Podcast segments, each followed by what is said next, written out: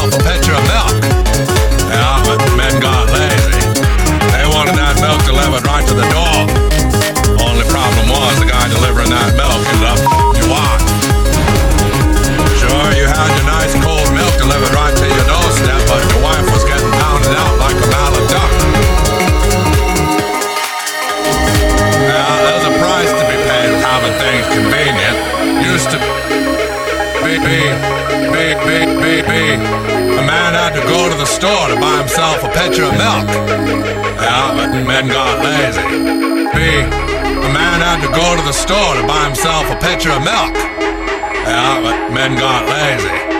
They wanted that milk delivered right to the door. Only problem was the guy delivering that milk ends up f***ing you.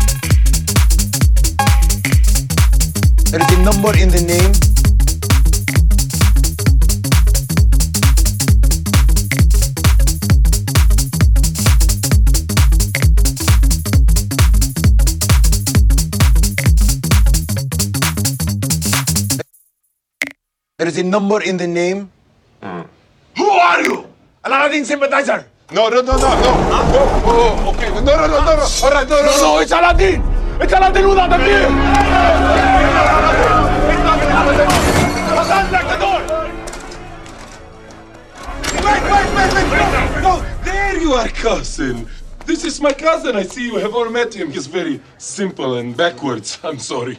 Sorry. It's okay, sit. Okay. Sit and eat. Have a seat, cousin. Very sorry. My apologies.